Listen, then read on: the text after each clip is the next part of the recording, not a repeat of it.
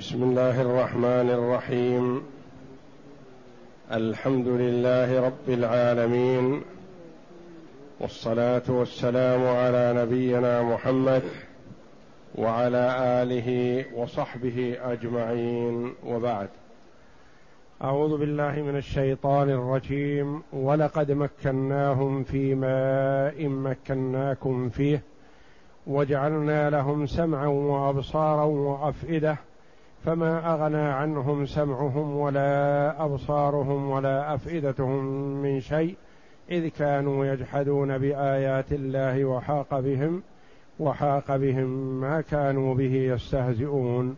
ولقد أهلكنا ما حولكم من القرى وصرفنا الآيات لعلهم يرجعون. فلولا نصرهم الذين اتخذوا من دون الله قربانا آلهة بل ضلوا عنهم. وذلك إفكهم وما كانوا يفترون.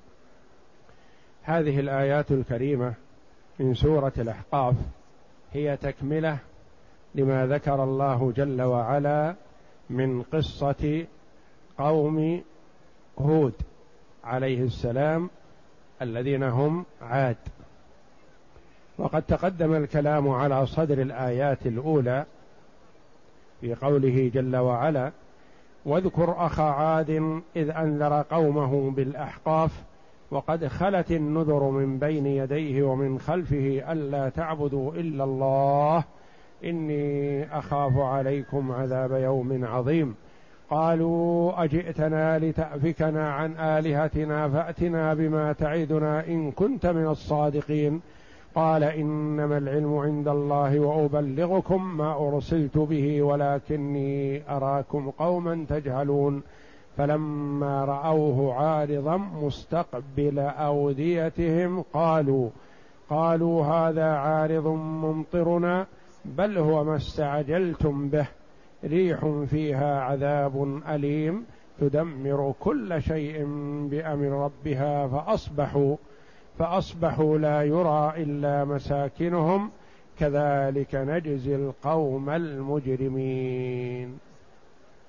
ثم قال جل وعلا ولقد مكناهم في ماء مكناكم فيه وجعلنا لهم سمعا وأبصارا وأفئدة فما أغنى عنهم سمعهم ولا أبصارهم ولا أفئدتهم من شيء إذ كانوا يجحدون بآيات الله وحاق بهم وحاق بهم ما كانوا به يستهزئون.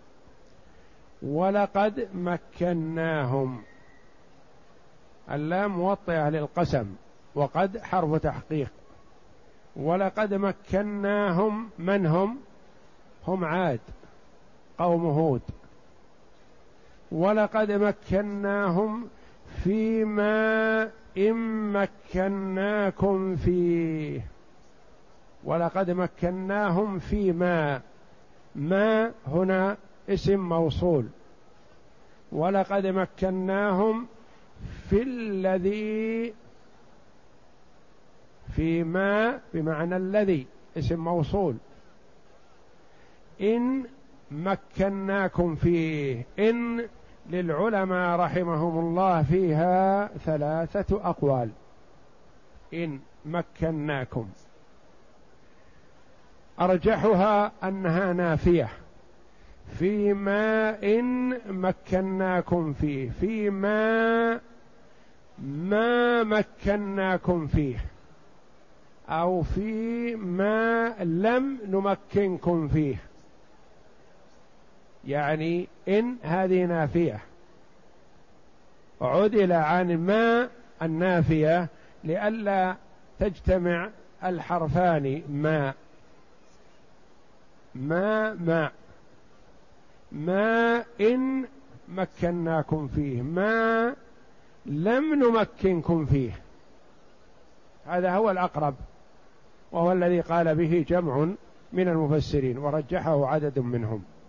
إن هذه تأتي نافية وتأتي لمعان أخر. والمعنى حينئذ ولقد مكناهم فيما لم نمكنكم فيه يا كفار قريش. الخطاب لكفار قريش. مكنا عاد في أشياء لم نمكنكم فيها. يعني هم أقوى منكم أجساما. وهم أطول منكم اعمارا. لأن الواحد منهم قد يصل عمره إلى ألف سنة. لأنهم هم جاءوا بعد قوم نوح عليه الصلاة والسلام. مباشرة. ونوح عليه الصلاة والسلام مكث يدعو قومه ألف سنة إلا خمسين عاما بنص القرآن. وعمره قبل النبوة الله أعلم بذلك. وعمره بعدما أهلك من لم يقبل هدى الله الذي جاء به سنين. قيل إن عمر نوح عليه الصلاة والسلام ألف وثلاثمائة سنة. فهم قوم عاد اللي هم عاد قوم هود أطول أعمارا من قريش وأقوى لأنهم قالوا من أشد منا قوة وأعطوا من خيرات الدنيا وأمورها الشيء الكثير. ومع ذلك قوتهم وقدرتهم وأموالهم لم تغن عنهم شيئا لما جاءهم العذاب. فأنتم يا كفار قريش أولئك الذين مكنوا في أشياء لم تمكنوا فيها لما جاءهم العذاب. ما أغنى عنهم تمكينهم هذا؟ وأنتم أقل منهم وأضعف. فإن لم تؤمنوا بمحمد صلى الله عليه وسلم أتاكم ما أتى أولئك ولا ناصر لكم. ولقد مكناهم فيما في الذي لم نمكنكم فيه. وجعلنا لهم سمعا وابصارا. سيأتي. هذا قول. القول الآخر أن إن هذه يسمونها يسميها العلماء موصولة يعني زائدة ليست نافية. والمعنى حينئذ يكون ولقد مكناهم فيما مكناكم فيه.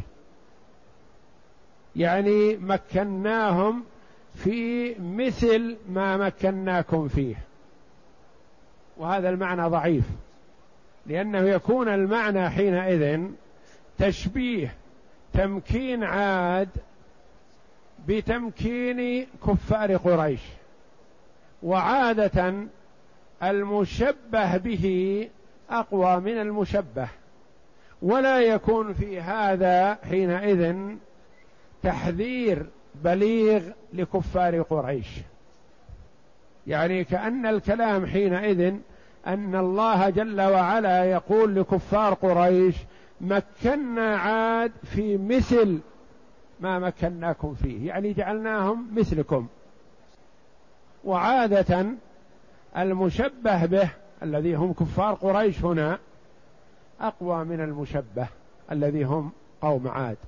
ولا يكون في هذا شيء من التحدي لأن التحدي يأتي أن يقول الله جل وعلا إن أهلكنا الأقوياء الذين هم أقوى منكم فلا نعجز عنكم.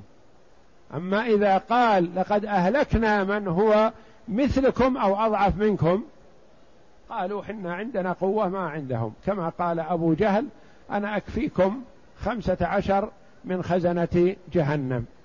وأنتم عليكم اثنين أو سبعة عشر يقول لأنهم خزن عليها تسعة عشر كما قال الله. يقول سبعة عشر علي. واثنان أنتم يا عظماء قريش ما تستطيعون اثنين من خزنة جهنم؟ قالوا لا نعم نستطيع. إذا كفلت عنا سبعة عشر فاثنين نتولاهم. عقول الكفر والضلال سخيفة مع أنهم قادة لكن مع الكفر والضلال تعمى بصيرة الإنسان والعياذ بالله. وإلا الملائكة ما تستطيع البشر الوقوف في وجوههم. عندهم من القدرة الشيء العظيم. فالمعنى الثاني أن إن هذه زائدة يعني ليست نافية. المعنى الثالث وهو أضعف من الثاني قال به بعض العلماء إن إن هذه شرطية. إن شرطية. وجواب الشرط محذوف. ولقد مكناهم فيما إن مكناكم فيه تكبرتم أو تغطرستم. أو تعاظمتم. يعني لو مكناكم في مثل ما مكناهم فيه حصل منكم كذا وكذا. وهذا بعيد. ولقد مكناهم فيما لم نمكنكم فيه. ولقد مكناهم فيما مكناكم فيه. ولقد مكناهم فيما إن مكناكم فيه تعاظمتم أو تجبرتم أو تكبرتم. يعني جواب الشرط محذوف. يقول الله جل وعلا وجعلنا لهم من هم؟ عاد. والخطاب لكفار قريش وجعلنا لهم سمعا وابصارا وأفئدة. يعني أولئك الذين مكنهم الله جل وعلا وأعطاهم عندهم عقول وعندهم أسماع جيدة وعندهم أبصار جيدة ولكنهم ما انتفعوا بأسماعهم وأبصارهم ولا قلوبهم ولا عقولهم. ما يقال إن أولئك جهال مثلا ونحن يقول كفار قريش نحن عندنا علم ومعرفة وتخلص وقدرة. ونحن تجار ونحن كذا ونحن كذا. لا أولئك عندهم من وسائل الإدراك الشيء الكثير. عندهم من وسائل الإدراك الشيء الكثير لكنهم ما استفادوا منها.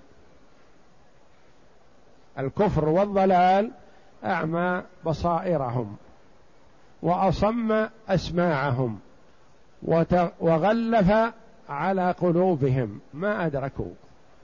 وإلا فالعاقل يدرك أن النجاة والسعادة والطمأنينة في الدنيا هي بطاعة الله جل وعلا.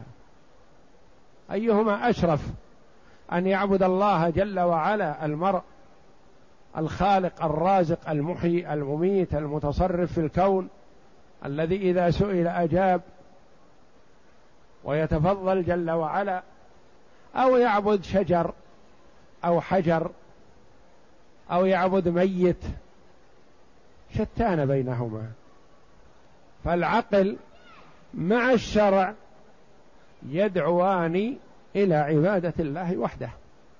فشرف للعبد أن يكون عبدا لله. والله جل وعلا شرف وكرم أفضل الخلق بصفة العبودية محمد صلى الله عليه وسلم. ذكره ذكر صفة العبودية في أشرف المواطن. فقال سبحان الذي أسرى بعبده. وقال الحمد لله الذي أنزل على عبده الكتاب أنزل على عبده. وقال وأنه لما قام لما قام عبد الله يدعوه كادوا يكونون عليه لبدا. قام عبد الله. ونقول أشهد أن محمدا عبده ورسوله.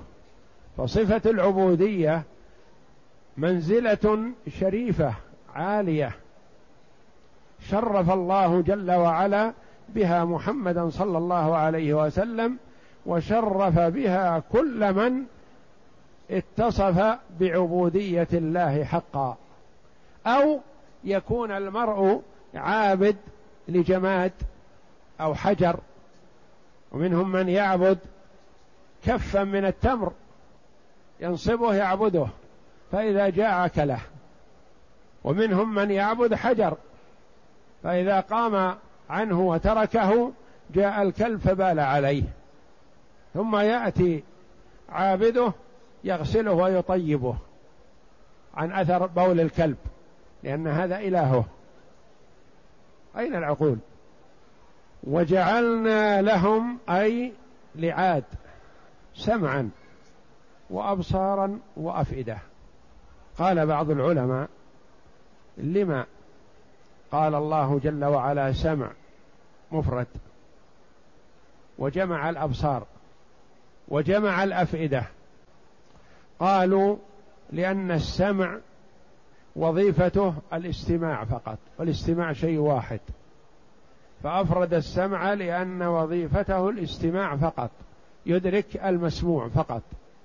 بخلاف الأبصار والقلوب فهي تدرك أشياء كثيرة.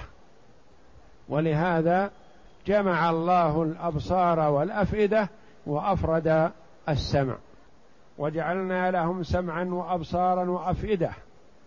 فما أغنى عنهم يعني ما نفعهم سمعهم ولا أبصارهم ولا أفئدتهم من شيء إذ كانوا يجحدون بآيات الله حال كفرهم وقت كفرهم ما نفعتهم الأسماع ولا الأبصار ولا الأفئدة وإنما قامت عليهم الحجة بذلك.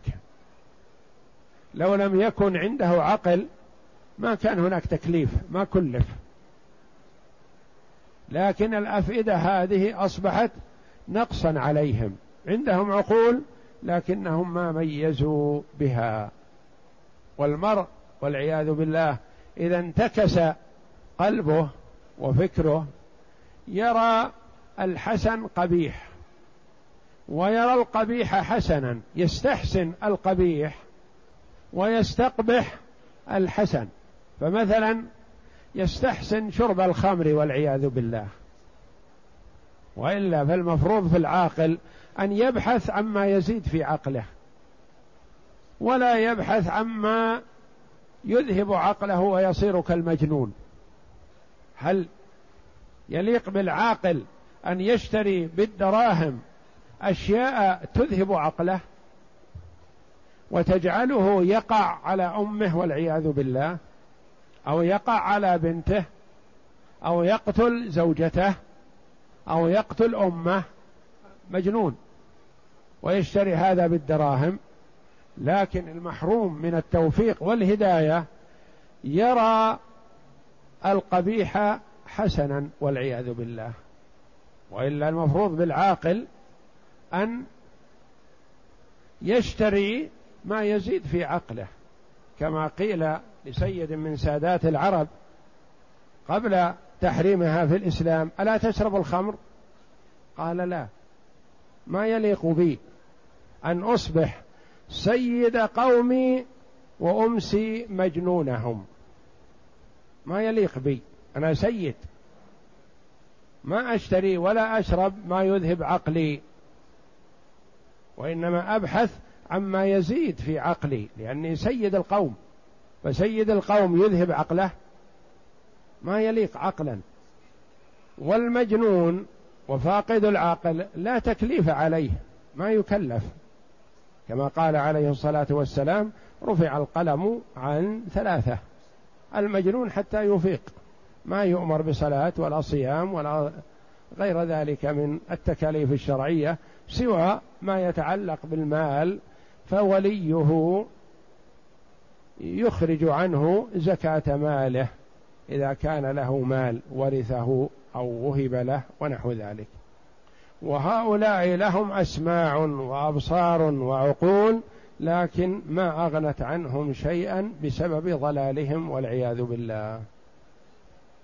فما أغنى عنهم سمعهم ولا أبصارهم ولا أفئدتهم من شيء أي شيء ما نفعتهم. إذ كانوا يجحدون بآيات الله يعني وقت اذ ظرف وقت جحودهم بآيات الله وإنكارهم إياها ما نفعهم السمع والبصر. وحاق بهم يعني أحاط أحاط بهم. ما كانوا به يستهزئون. ما هو؟ العذاب. حاق بهم العذاب لأنهم كانوا يستهزئون به يعني يستعجلونه. يستعجلونه ما يريدون العذاب وإنما من باب السخرية والاستهزاء. أنك يا هود ما تستطيع تعذيبنا. ونحن أقوياء أشداء. فهم يستعجلون العذاب من باب الاستهزاء والسخرية وقد حاق بهم يعني أدركهم وأحاط بهم. وحاق بهم ما كانوا ما يعني الذي كانوا به يستهزئون العذاب الذي كانوا به يستهزئون. ثم قال جل وعلا لكفار قريش من باب التحذير والإنذار ولقد أهلكنا ما حولكم من القرى. انتبهوا. يا كفار قريش تمرون على ديار ثمود في ذهابكم ومجيئكم إلى الشام. وعرفتم خبر قوم لوط في الشام. وجاءتكم الأنباء عن المهلكين في اليمن وفي الشمال. المهلكون كثيرون وتعلمون ذلك. وهؤلاء حولكم. فالعذاب حل بمن حولكم. يوشك أن يقع بكم. هذا تحذير ونذارة. ولقد أهلكنا ما حولكم من القرى وصرفنا الآيات. بيناها ووضحناها ورتبناها. لكن ما انتفعوا بها فهلكوا. وصرفنا الآيات لعلهم يرجعون. أولئك ما أخذناهم قبل النذارة وقبل البيان والإيضاح وإنما أخذناهم بعدما قامت عليهم الحجة. وأنتم يا كفار قريش على منوالهم. الآن قامت عليكم الحجة. فإن استفدتم من هذا وأطعتم محمدا صلى الله عليه وسلم سلمتم وإلا حل بكم ما حل بالأمم قبلكم. ولا يمكن أن تقولوا نحن أقوى أو أعظم أو نستطيع أن ندفع العذاب عنا. أهلك من كان أقوى منكم وأعتى. ولقد أهلكنا ما حولكم من القرى. وصرفنا الآيات لعلهم يرجعون. فلما لم يرجعوا هلكوا. فلولا فهلا نصرهم الذين اتخذوا من دون الله قربانا آلهة. فهلا نصرتهم آلهتهم. أولئك ما نصرتهم. وأنتم يا كفار قريش. هل تظنون أن اللات والعزى ومنات تنصركم أو تنفعكم أو تدفع عنكم العذاب؟ أولئك لهم آلهة يعبدونها ويتقربون إليها ويظنون أنها تقربهم من الله كما قال الله جل وعلا عنهم ما نعبدهم إلا ليقربونا إلى الله زلفى. هل قربتهم من الله؟ فأنتم مثلهم. فلولا فهلا نصرهم الذين اتخذوا من دون الله قربانا آلهة. نصرهم الذين اتخذوا من دون الله. فلولا نصرهم الذين محلها من الإعراب فاعل. نصرهم الذين اتخذوا من دون الله قربانا آلهة. يعني اتخذوها آلهة يتقربون إليها. بل الحقيقة والواقع ضلوا عنهم. ما وجدوهم. حينما حزبهم الأمر ما وجدوهم. ما وجدوا لهم أثر ولا نفع ولا دفعوا عنهم العذاب. بل ضلوا عنهم. فالسير على غير هدى والتقرب إلى من لا يصلح التقرب إليه يفلت من المرء في وقت هو أحوج ما يكون إليه. مثل من يعتمد على شخص ما لا يستطيع نفعه. إذا جاءه الضرر من أعلى منه. بل ضلوا عنهم وذلك إفكهم كذبهم وافتراؤهم بأن هذه الآلهة تنفع وذلك إفكهم كذبهم وافتراؤهم أن الآلهة تنفع ما نفعت وذلك إفكهم وما كانوا يفترون يختلقونه ويفترونه ويكذبون فيه. ما نفعهم ولا استفادوا منه شيئا. ذلك الضلال والضياع والهلاك. كذبهم الذي كانوا يظنون أنه ينفع وذلك إفكهم. وقرئ وذلك افاكهم وقرئ آفاك بفتح الهمزة والفاء والكاف على أنه فعل أي ذلك القول صرفهم. افكهم يعني صرفهم عن توحيد الله جل وعلا. وقرئ بفتح الهمزة وتشديد الفاء. وذلك أفكهم. أف بتشديد الفاء. أفكهم أي صيرهم آفكين. كذبة. قال أبو حاتم يعني قلبهم عما كانوا عليه من النعيم. كانوا يفترون. الواو حرف عطف. وما معطوفة على الإفك وذلك إفكهم وما كانوا يفترون يعني افتراؤهم. ما هنا تكون مصدرية تسبك هي وما بعدها بمصدر وذلك إفكهم وافتراؤهم أو وذلك أفكهم يعني أهلكهم وضرهم. لأنهم اعتمدوا على من لا يصلح للاعتماد عليه. وفي هذا تحذير بليغ لكل من كفر بمحمد صلى الله عليه وسلم واعتمد على ما يعتمد عليه من الآلهة فإنها لا تنفعه بل تضره. والله أعلم. وصلى الله وسلم وبارك على عبد ورسول نبينا محمد وعلى آله وصحبه أجمعين.